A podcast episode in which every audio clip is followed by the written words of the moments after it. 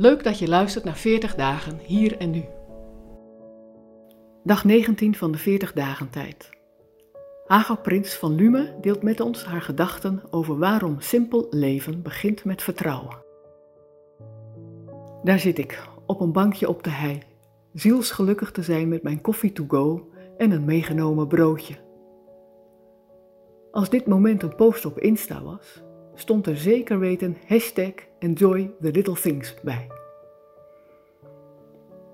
Als de coronacrisis mij iets leerde, is het wel dat geluk vaak in kleine dingen zit en dat het leven niet maakbaar is. Een les die ik al eerder op een harde manier leerde toen een brand twee jaar geleden ons huis en al onze spullen verwoestte. Ineens begreep ik veel beter waar het spreekwoord tel je zegeningen vandaan kwam. Want dat deed ik.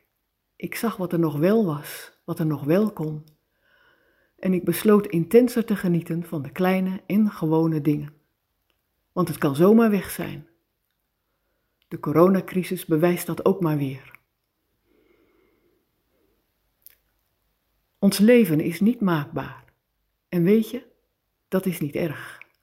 Want ons leven is aan handen van onze Hemelse Vader. Klinkt je dat te simpel in de oren? Dat snap ik.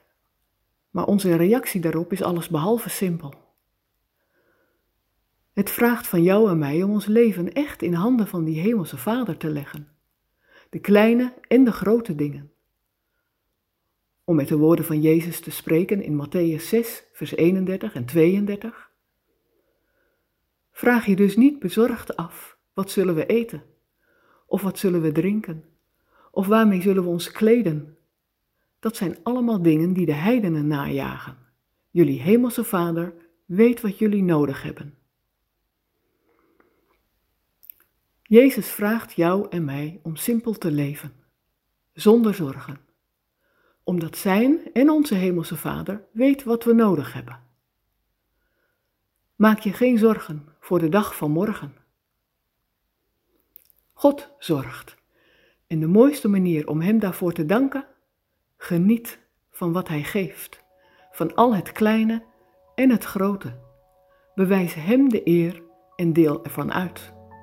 Zo is jouw leven ook direct een getuigenis van een God die zorgt.